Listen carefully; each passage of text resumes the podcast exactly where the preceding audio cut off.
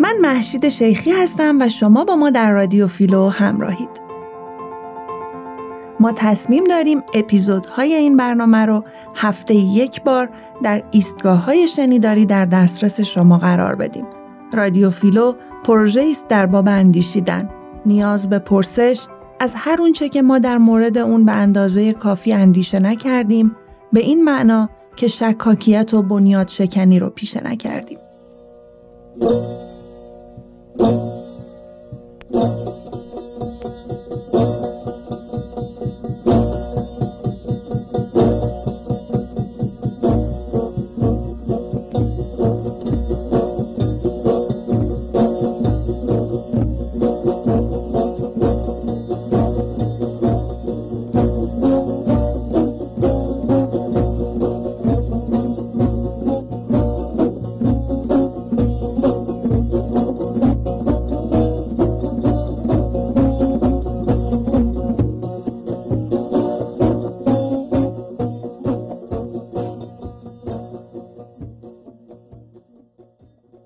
دوستان و همراهان درود بعد از دو اپیزودی که به طور ویژه برای نوروز جاویدان براتون آماده کرده بودیم و در اون به فلسفه و ریشه های نوروز و برخی آین و رسوم نوروزی پرداختیم دوباره برمیگردیم به ادامه ماجرا و موضوعات رو در پیوست با اپیزود 8 رادیو فیلو پی می‌گیریم.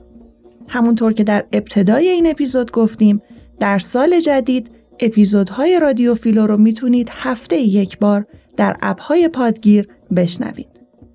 اپیزود 8 رادیو فیلو رو با توضیحی بر شرق شناسی و شرق شناسان شروع کردیم. چون بنیاد بسیاری از مطالعات و منابعی که در حال حاضر موجوده تحقیقات شرق شناسانه لازم دونستیم که در این مورد توضیحاتی بدیم. گفتیم که شرق شناسی تا اندازه زیادی تحت تأثیر منافع دولت‌های اروپایی در مشرق زمین بوده. اما با این وجود از اونجا که هر کدوم از شرق شناسان منش و روش خاص خودشون رو داشتن گاهی با آمیختگیشون با جهانبینی های تمدن شرقی هم نهادهای پویایی از روش تحقیق منسجم غربی و فرهنگ غنی شرقی به وجود می اومده. نکته مهم دیگه این که ایرانیان هم کتبسته یافته های شرقشناسان نبودن و یک رابطه دیالکتیک بینشون برقرار بوده. در مورد جهانبینی و مشرب فلسفی ایرانیان باستان که فلسفه اشراق هست و از تأثیرات این فلسفه بر فلاسفه یونانی سخن گفتیم. گفتیم که بعد از قتل مانی و مانویان و مزدک و مزدکیان عده زیادی از پیروان باقی مونده اونها به شبه جزیره عربستان رفتن و در سرنوشت جزیرت العرب به نقش بندی نشستن. در مورد تاریخ تصوف در ایران و تقسیم اون به سه دوره تصوف توکل، تقیان و تقیه توضیح دادیم.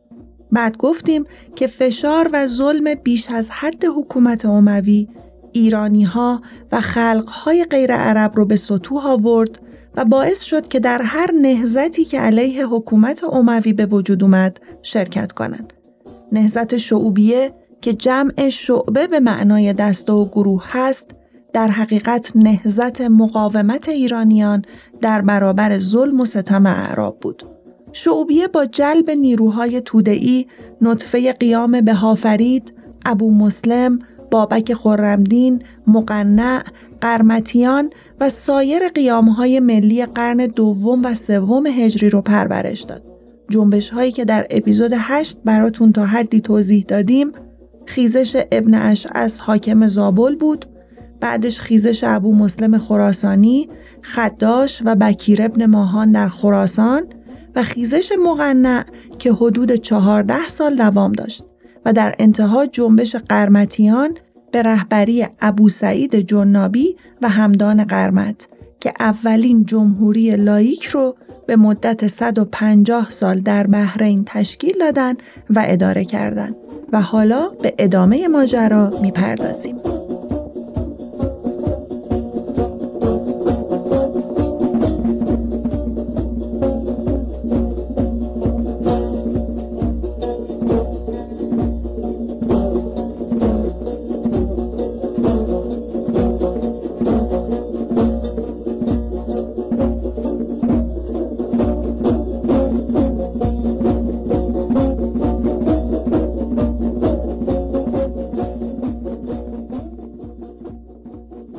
من شهریار اشراقنیا هستم و در رادیو فیلو با شما همراه خواهم بود. بنا بود این اپیزود رو هم به معرفی مابقی خیزش های مخالف خان اختصاص بدیم و به طور خاص در مورد قیام معروف بردگان یعنی قیام زنجه یا صاحب الزنج و ارتباط این قیام با منصور حلاج صحبت کنیم. اما با توجه به موضوع بنیادین رادیو فیلو در خصوص بررسی سکسوالیته زیل مقوله ساختار آگاهی بهتر دیدیم که این اپیزود رو به بررسی مناسبات جنسی و وضعیت گذار از دوره ساسانی به دوره اسلامی و چگونگی تغییر مناسبات اجتماعی و جنسیتی تخصیص بدیم تا افق روشنتری پیش رومون گشوده بشه و بعد دوباره به تاریخ خیزش های مخالف خان و اهداف اونها در همین راستا برگردیم. زمانی که ما داریم از اسلام در ایران صحبت می‌کنیم غیر از اون ابعادی که آشکارا با سیاست و کشورداری و اونچه که به عنوان امت مطرح میشه پیوند داره به طور مشخص دو موضوع در خصوص جا افتادگی این دیانت در حوزه تمدنی ایرانی واجد اهمیت میشه. یکی مناسبات و روابط جنسی و شکل ساماندهی به جامعه از طریق خانواده است. و مسئله دوم نسبت میان حریت و عبودیت یا اونچه که در مذاهب اسلامی تعبیر شده به دایره مولویت و عبودیت که در اپیزودهای بعد در این رابطه توضیح بیشتری خواهیم داد.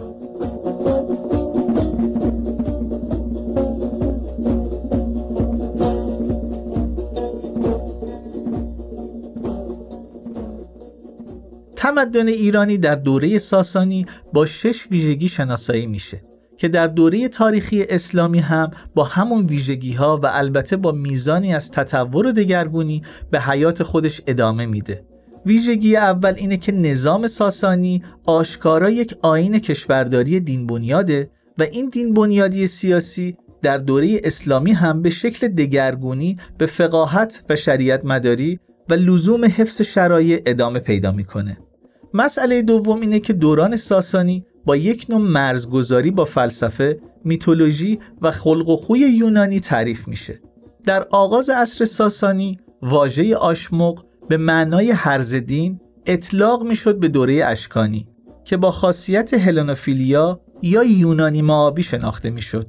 یعنی ساسانیان خودشون رو پاک دینان مزدایی می‌دونستند که در تقابل با آشموقی و زندیقی دوره اشکانی قد برافراشته بودند.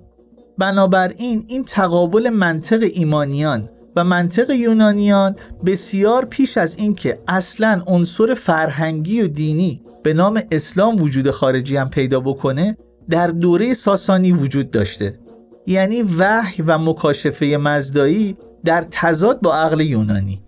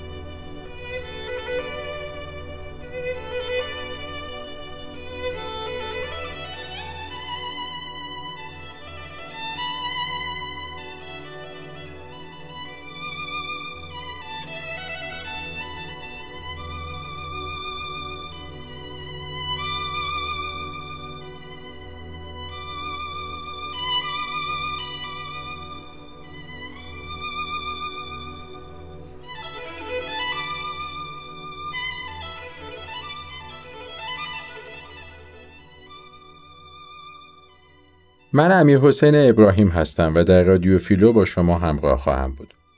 به آشمق یا بدین اشاره کردیم و جا داره تا در مورد این واژه توضیحات بیشتری برای جا افتادن هرچه بیشتر مطلب بدیم که البته اول در همین راستا باید به یکی از متون مهم زردشتی یعنی دینکرد اشاره کنیم.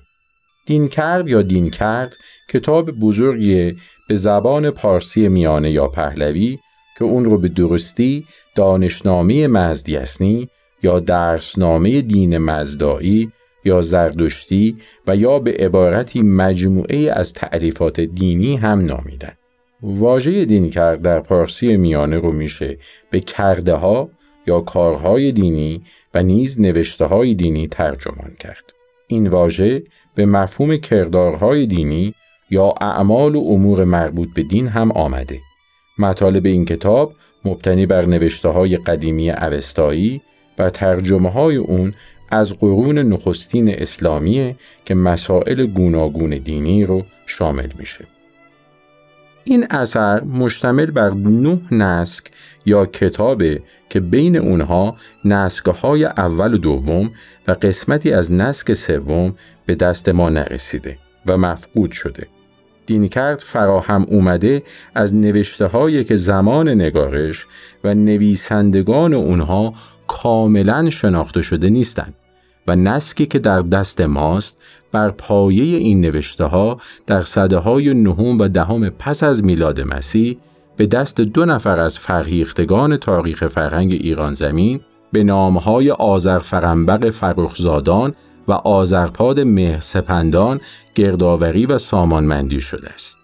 کتاب دین کرد دایرت المعارف و فرهنگ نامه مزدیسنی به شمار میره و از لحاظ گردآوری مجموع مطالب دینی زردشتی و روش نگارش و محتوای اون و جامعیت احادیث صحیح و مجعول شباهت تام و کاملی به کتاب بهار الانوار ملا محمد باقر مجلسی داره. باری واژه آشموق یا آشموک به معنای برهم زننده اشا فرشته راستی و در اوستا به معنی تاله و شریر و گمراه کننده آمده و از جمله آشموقان در دین مزدی اصنی شخصیت مزدک بامدادانه. در آغاز کتاب سوم دین کرد پرسش و پاسخی میان کسانی که از سخنان اونها باورهای مزدکیشون دانسته میشه با روحانیت زردشتی آمده. در دیباچه دین کرده سوم چنین اومده که دوازده پرسش توسط یک آشموق مطرح میشه و هیر بود یا همون روحانی برتر زردشتی به اونها پاسخ میده.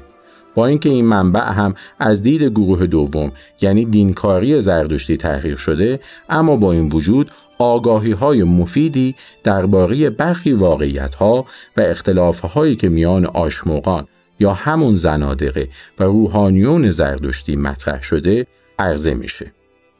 به هر تقدیر نمی‌دونیم که این گفتگو در چه زمان و مکانی اتفاق افتاده. اما از اونجا که آشموق در پرسش های خود رعایت ادب و احترام رو می‌کنه و سخن تندی بر زبان نمیاره اما موبد زردشتی اونها رو با واجه ها و توصیف های ناپسندی چنان تباخو، فریبگر و شهوتران خطاب می‌کنه به نظر میاد که از پشتیبانی قوه قهریه نیز برخوردار بوده لازم به ذکر که در این متن جملگی مردمان به دو گروه بهدین یعنی زردشتیان و بددین یعنی غیر زردشتیان یا همون زنادقه تقسیم شده.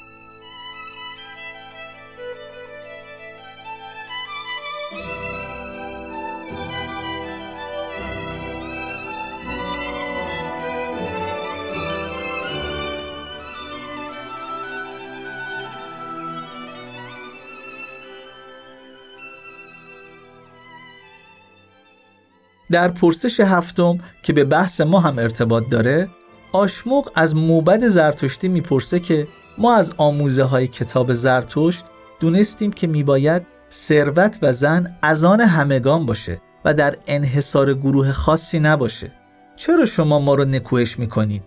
موبد به شیوه پیشین خودش در پاسخ میگه که اینها سخنان فریبکاران است و کیهان رو به سوی ویرانی می‌بره و موجب درهم شدن نجات میشه. این کار موجب آسیب به دارایی های طبقات خاص میشه و جایگاه های طبقاتی مردم از میان میره. دیف پرستی رواج پیدا می‌کنه و دروغ بالنده میشه.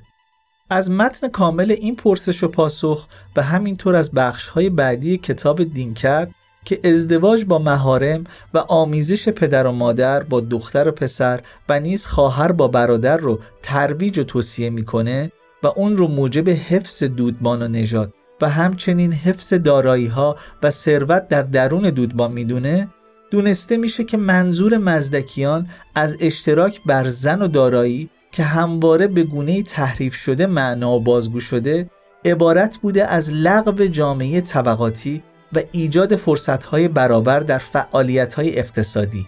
لغو مالکیت دستگاه دینی بر زمین های زرایی اجازه و امکان این که هر کس بتونه همسر خودش رو بدون رعایت محدودیت های طبقاتی انتخاب کنه و دختران هم بتونن همسر کسی غیر از پدر یا برادر خودشون بشن.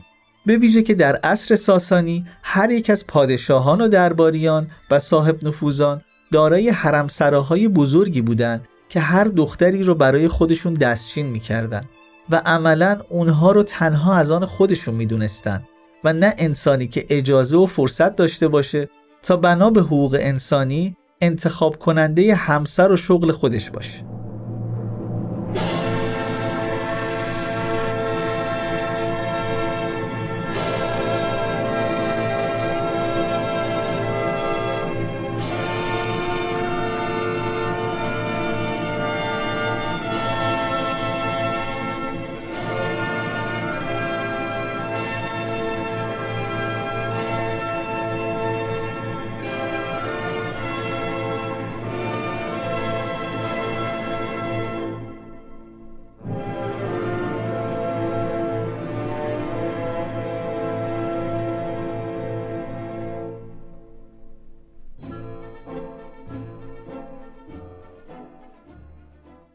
مسئله سوم اینه که نظام ساسانی با اعتقاد بر فرح ایزدی بنا نهاده میشه.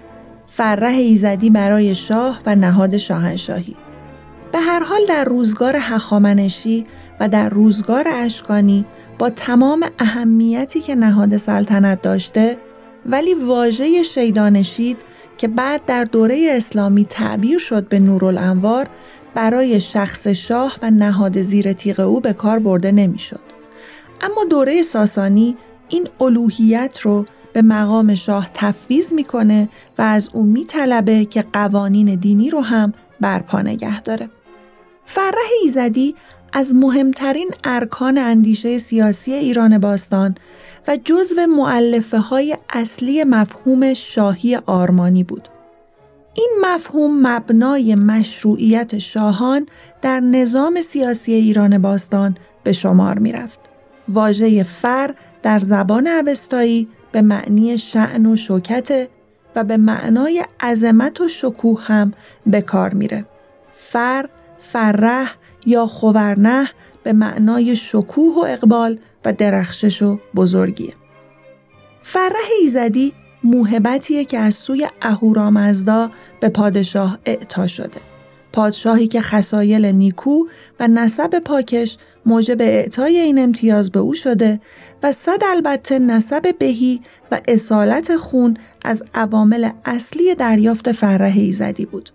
معاخذ مکتوب درباره پیش از اسلام چه در زمینه تاریخ نگاری و چه در زمینه ادبیات در دو دسته کلی کتیبه ها یعنی سنگ نوشته ها و سنگ نگاره ها و متون قابل تقسیمه.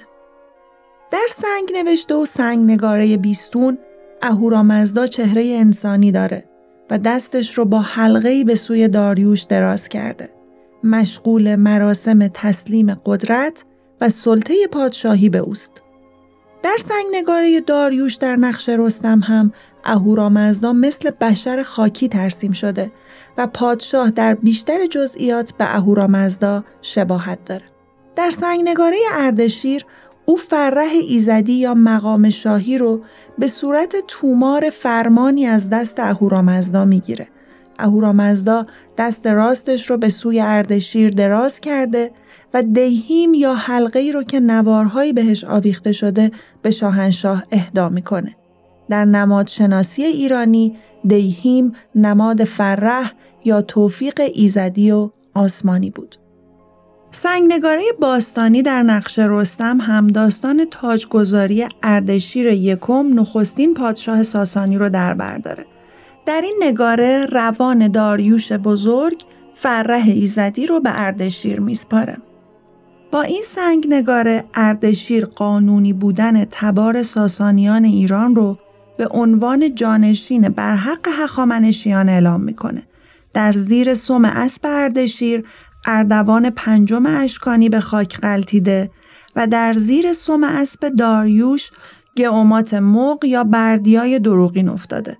اردشیر در این سنگ نگاره برپایی شاهنشاهی رو در میان ایرانیان تصویر می‌کنه. در سنگ نوشته این نگاره به سه زبان پارسی، پارتی و یونانی چنین می‌خونیم. این نگاره که اردشیر اورمزد پرست است که تبارش از ایزدان است.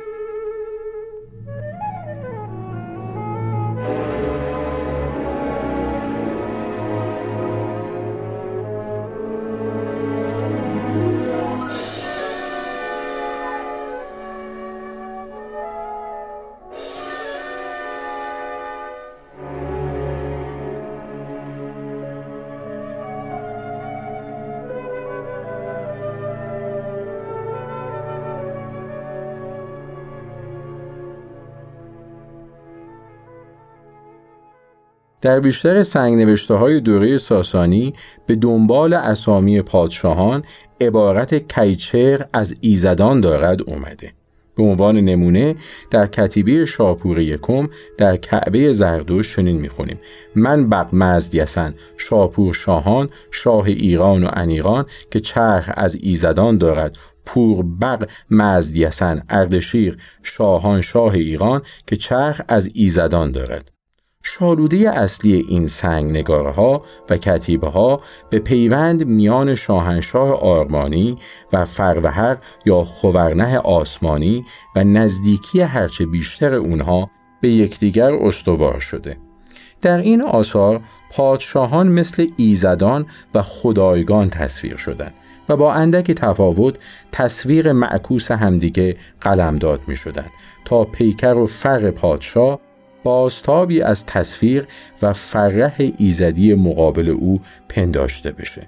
به این ترتیب چون چهر این پادشاهان شبیه چهر ایزدانه بنابراین اونها فر و شکوهی مثل ایزدان و خدایگان خواهند داشت. به بیان دیگه چهر از ایزدان داشتن همون فرح ایزدی و عنایت الهی به زبان ادب دوری اسلامی به شمار میاد. همین امر سبب شده تا فرمان روایان هویتی همسنگ خدایان برای خودشون قائل بشن و شخصیتی فرابشری و اقتداری متکی بر اراده فرازمینی برای خودشون در نظر بگیرن. گفتنیه با وجود اشتراک در توصیف مفهوم حقانیت پادشاه و چگونگی اون از دوره حخامنشی تا عصر ساسانی دچار تغییرهای هم شده. در کتیبه های دوره هخامنشی مزدا اهورا اعطا کننده مقام شاهنشاهی به پادشاه خونده شده و هیچ یک از شاهنشاهان هخامنشی ادعای مبنی بر اینکه از نژاد خدایگان هستند نداشتند اونها خودشون را آریاچیکا یعنی از نطفه آریاها می‌دونستند اما اسکندر مقدونی در زمان یورش به ایران خودش رو فرزند خدایگان می‌دونست. پس از اسکندر پادشاهان سلوکید هم این سنت رو حفظ کردند و خودشون رو از نطفه خدا یا تئوس دانستن. واژه تئوس در زبان یونانی با دعوه دیوا در زبانهای پهلوی و سانسکریت همچمه که در زبان لاتین به صورت دیوس و در فرانسه امروزی به صورت دیو در اومده. در عربی هم تاغوت معادل همه این واژه هاست. مجموعه این دگردیسی ها موجب شد تا در کتیبه های ساسانی شاهنشاهان تأکید کنند که چرخ از ایزدان دارند. این لقب یا عنوان رو نه شاهنشاه ساسانی به طور پی در پی به کار بردن. یعنی شاهنشاهان ساسانی خودشون رو بق یا خدا قلمداد می‌کنن و به ایزدان ربط میدن. خب پس از سنگ نگاره ها بپردازیم به متون. معدودی از متونی که معخذ پژوهشگران درباره چگونگی توصیف فرح ایزدی هستند پیش از اسلام تعلیف شدند و شمار قابل ملاحظه از این آثار در دوره های پس از اسلام. از میان آثار تدوین شده پیش از اسلام توصیف فرح ایزدی در دو کتاب اوستا و کارنامه اردشیر بابکان دارای اهمیت بیشتریه. فرح ایزدی در سراسر اوستا هم در برآمدن و هم در فرو افتادن پادشاهان مهمترین عامل به حساب میاد. بر طبق اونچه که در زامیادیش ذکر شده پادشاهان به دلیل اینکه با دین پیوند استواری داشتند صاحب اون درجه از شایستگی و لیاقت شدند که بتونن دریافت کننده فرح ایزدی باشند فرقی که از آن کیگشتاس بود که دینی اندیشید که دینی سخن گفت که دینی رفتار کرد. علاوه بر این در اوستا در مورد جمشید هم فرح ایزدی در شکلی جسمانی و به صورت حیوانی متجلی میشه و این موهبت الهی یا فرح جمشید در قالب موجودی چون مرغ واقعا یا شاهین از او جدا میشه. خوورنه در معنای عام نه تنها نمی‌تونه انحصاری باشه بلکه ضرورتا واجد خصلتی عامه چون باید بر کارکرد خاص هر طبقه و شعن اجتماعی منطبق بشه. اما فرح کیانی چیزی نیست که هر کسی رو یارای بهرهمندی از اون باشه بلکه موهبتی است الهی که به برخی اشخاص اعطا میشه. از این رو خورنه کیانی یا فرح ایزدی سرشتی موروسی پنداشته میشه نه امری اکتسابی.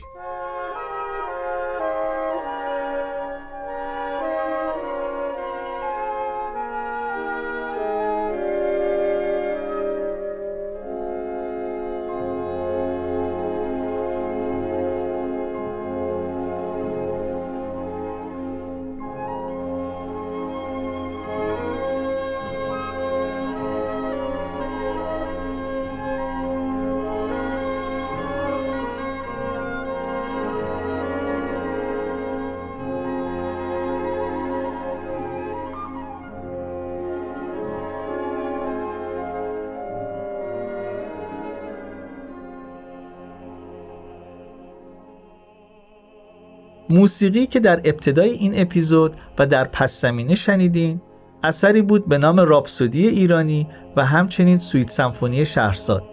و اونچه که الان دارین در پس زمینه میشنوین اثری به نام مینیاتورهای ایرانی که هر سه از کارهای درخشان هنرمند پیشرو ایرانی تبار یعنی امین الله حسین هست که ما از این فرصت استفاده می کنیم تا یادی کنیم از این هنرمند ارزشمند و کمتر شناخته شده در ایران. امین الله آندر حسین زاده سی خرداد 1284 در سمرقند یا اشقاباد و در گذشته 18 مرداد 1362 در پاریس آهنگساز ایرانی تبار ساکن فرانسه بود. او جزو مشهورترین موسیقیدانان ایرانی در جهانه و شاید اون رو بتونیم اولین آهنگساز پیشروی ایرانی بدونیم. که آفریده هاش در رپورتوار ارکسترهای بین المللی قرار گرفته و به دفاعات به اجرا در اومده. امین الله حسین بعد از استقرار در فرانسه و گزینش اون کشور به عنوان اقامتگاه دائم نام آندره رو به نام ایرانی خودش اضافه کرد. خانوادهش خانواده ایرانی و بازرگان بودند که از امیری به حسین تغییر نام داده بودند. و به علت شرایط نابسامان سیاسی و اجتماعی اون روز ایران از گلپایگان به شهر سمرقند که یکی از شهرهای امپراتوری روسیه بود کوچ کرده بودند. پدر امین الله معروف به احمد آقا حسینوف نسب آذربایجانی داشت. اولین کسی که گوش امین الله را به موسیقی سپرد مادرش بود که با صفحه های گراموفون از استادان آواز تار ایرانی فضای خونه رو از موسیقی پر می کرد. اونها امین الله رو در اوایل جوانی اول به مسکو و بعد به اروپا یعنی آلمان فرستادن. با این نیت که درس پزشکی بخونه ولی او سر از فرانسه در آورد و رشته موسیقی رو انتخاب کرد. تا نخستین ایرانی یا ایرانی تباری بشه که به کنسرواتوار پاریس قدم می‌ذاره. او در فرانسه با آنا مینوسکایا بازیگری یهودی و روستبار اهل کیف ازدواج کرد. روبر حسین کارگردان مشهور فرانسوی پسر اونهاست که بعدا امین الله حسین برای فیلم های پسرش آهنگسازی می‌کرد. عباس کیارستمی قطعات انتخابی برای موسیقی های فیلم خانه دوست کجاست رو از میون رابسودی های ایرانی او انتخاب کرد. موسیقی حسین آکنده است از نقمه های ایرانی. او تار رو در حد استادی می نواخت. فارسی رو به خوبی صحبت می کرد و می نوشت. بهترین آثارش یا تم ایرانی دارن یا داستان ایرانی یا هر دو. دو سمفونی حسین آریا و پرسپولیس از کوچ آریایی ها به سرزمین پارس و بعد شکوه و عظمت هخامنشیان حکایت داره. موسیقی امین الله حسین رو میشه موسیقی رمانتیک ملی به شما آورد که در نیمه دوم قرن 19 هم و نیمه اول قرن 20 که در همه جای دنیا دوره شکوفایی رومانتیسیسم با رنگ و بوی ملی بود تحت تاثیر جنبش های ملی و استقلال طلبانه پدید آمده بود. شاهکارهای حسین، مینیاتورهای ایرانی و سویت شهرساد که بعد با هم موسیقی باله شهرساد رو تشکیل دادن در سال 1975 تصنیف شدند. برای اجرای همین باله بر صحنه تالار رودکی بود که حسین در پاییز 1977 برای اولین و آخرین بار به ایران سفر کرد. چهار قطعه برای تار سولو با مایه ایرانی، رابسودی های ایرانی یک و دو، قطعه تو را دوست دارم وطنم و قطعه عبادت زرتشت از دیگر آثار حسینه.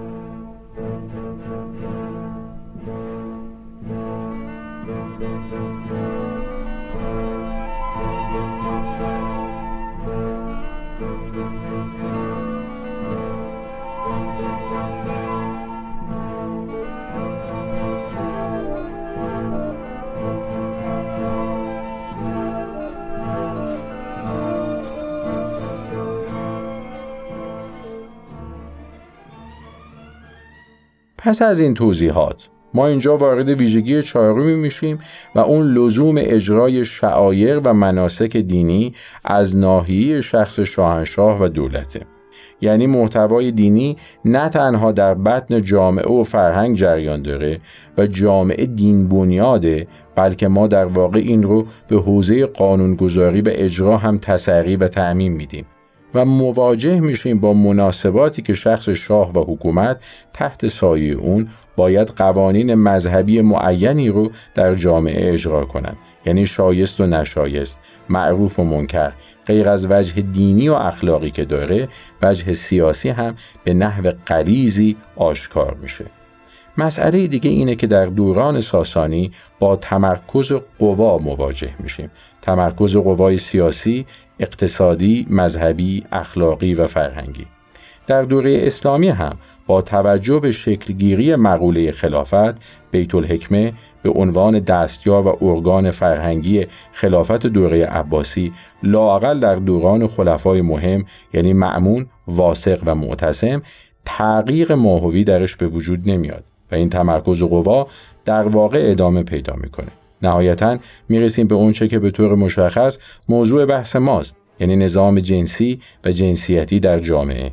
در این خصوص باید بدونیم که نظام خانواده در دوره ساسانی گرچه ویژگی هایی در دوره زردشتی هم داره که طبیعتا در دوره اسلامی منسوخ میشه ولی کلیتش حفظ میشه و ادامه پیدا می‌کنه.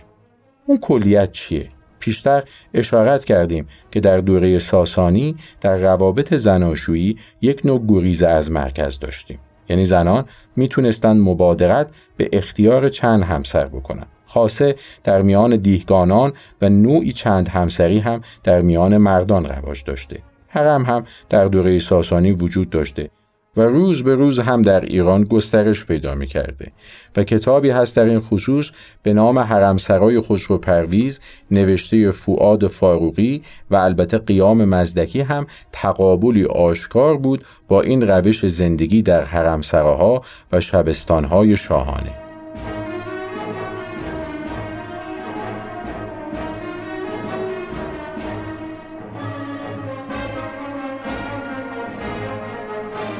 حالا در دوره اسلامی چه اتفاقی میفته؟ ماهیتی که مرد سالاره و شه پدری رو مرکز فضیلت برای سیاست و خانواده می‌دونه ادامه پیدا می‌کنه.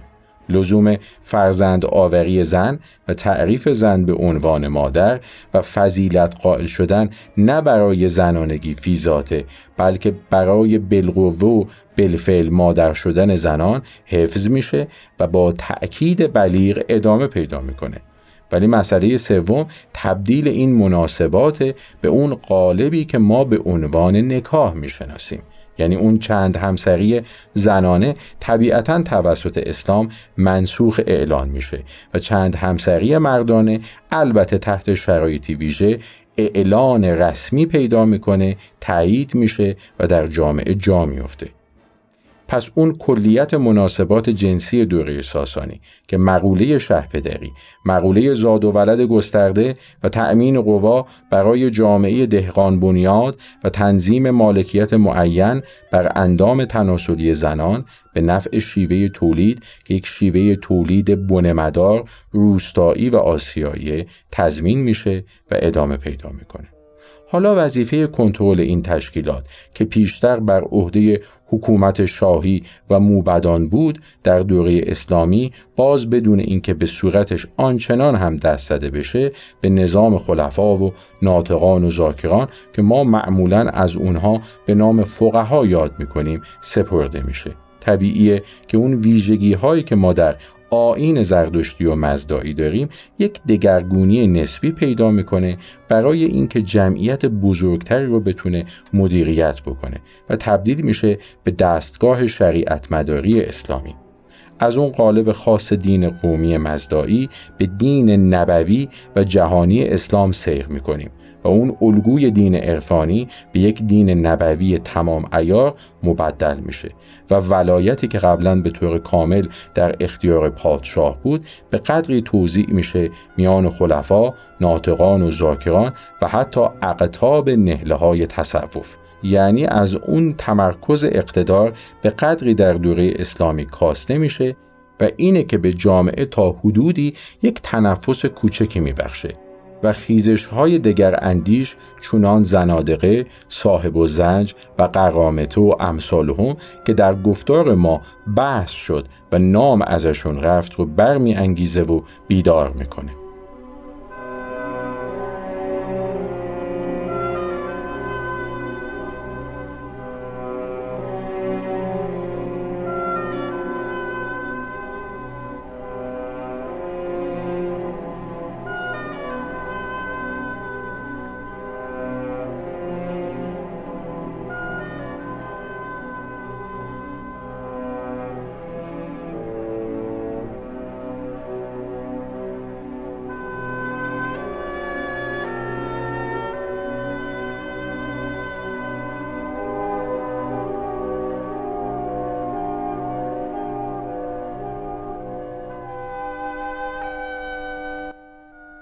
بازتاب اینا در روابط جنسی و زناشویی چیه؟ ما با چند جریان در اینجا به صورت مشخص سر و کار پیدا می‌کنیم. نخست که نظام حرم در قسمت فوقانی جامعه تقریبا بدون اینکه به اون الگوی اصلی که ما در دوره ساسانی در جامعه مشاهده می‌کنیم دست بخوره ادامه پیدا می‌کنه. یعنی زنانی که کل وجودیشون، اندام تناسلیشون، اونچه که میزایند متعلق به نهاد دربار یا مشتقات دربار. یعنی یک نظام تولید اجتماعی داریم که اگر از نوک یا قسمت فوقانیش آغاز کنیم عبارت است از تولید نخبگان رقیب و متعارض. شاهزادگانی که با هم رقابت می‌کنن، وزیرزادگانی که با هم رقابت می‌کنن، آریستوکرات هایی که مقابل هم قرار می گیرند برای سهم بیشتر بردن از نهاد اقتدار سیاسی در جامعه و اینها در این حرم ها هست که زاده میشن. از این مادرانی که الزامن نجیب زاده و اشراف زاده و فلان و بهمان نیستند. چون گفتیم اسلام یک انعطافی رو در نظام جمعیتی ایجاد می‌کنه و آدمهایی رو با هم جفت می‌کنه که در دوره ساسانی به دشواری حتی همدیگر رو می‌دیدن. پس این یک تمایزیه که میان دوره اسلامی و دوره ساسانی وجود داره. نوعی التقاط و آمیزش اجتماعی که نمود بارز خودش رو در انتخاب جفت و به وجود آوردن فرزند نشون میده. و این فرزندان که از پدران آریستوکرات و مادرانی که برده هستند زاده شدن و احتشامشون به اون جاییه که بهش تعلق پیدا کردن و قرارشون دادن ولی به خودی خود هیچ امنیتی ندارن و به یک امر کوچکی ممکنه مغضوب بشن و کشته بشن و از بین برن بدون اینکه کسی آرز بشه. پس این نظام حرم سر جای خودشه. خشونتی هم که وجود داشته ادامه پیدا می‌کنه ولی در عین حال یک انعطاف و یک همامیزی اجتماعی، نژادی و طبقاتی هم ما برخلاف دوره ساسانی می‌بینیم که درش به وجود میاد.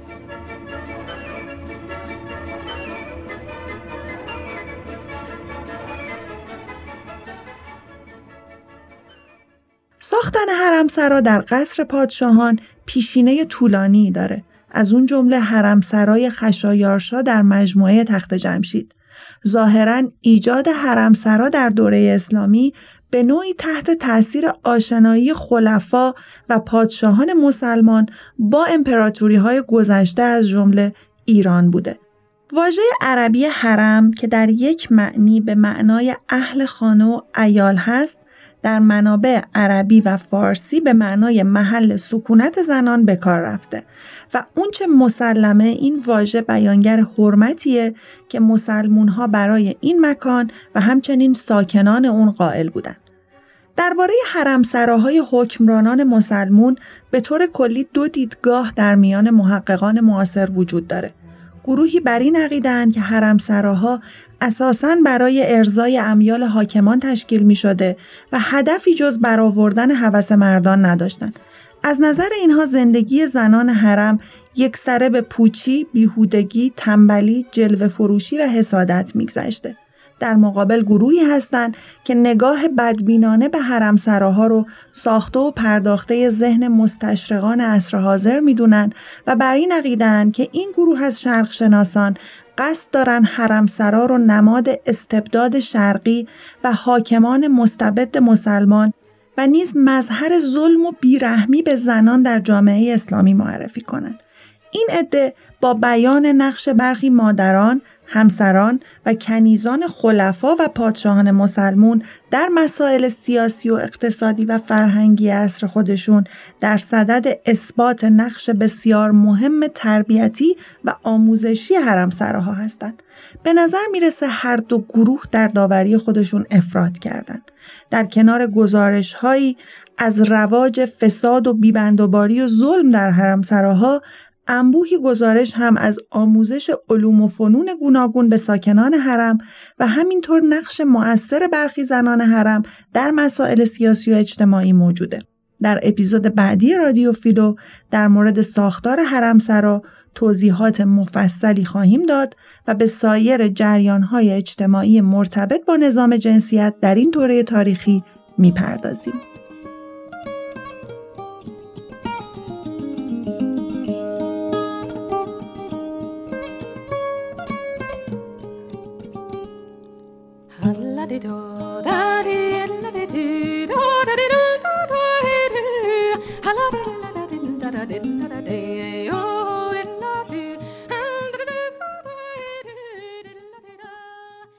این اپیزود در فروردین ماه سال 1401 ضبط شده و در 15 فروردین ماه 1401 در دسترس شما دوستان عزیز قرار خواهد گرفت.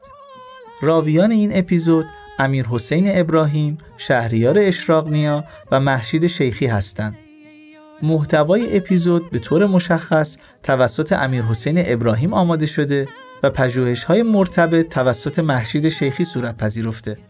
کارگردانی هنری و آماده سازی متنها توسط مهشید شیخی و شهریار اشراقنیا انجام شده. ضبط پادکست در اسفندیار استودیو انجام شده و میکس و mastering صدا توسط محمد رضایی صورت پذیرفته. با سپاس از سهیل فاتحی عزیز بابت همراهی با این اپیزود رادیو فیلو. ما رو در اینستاگرام رادیو فیلو می‌تونید دنبال کنید که در اونجا بخشهایی از محتوای مربوط به هر اپیزود رو برای شما به اشتراک می‌گذاریم.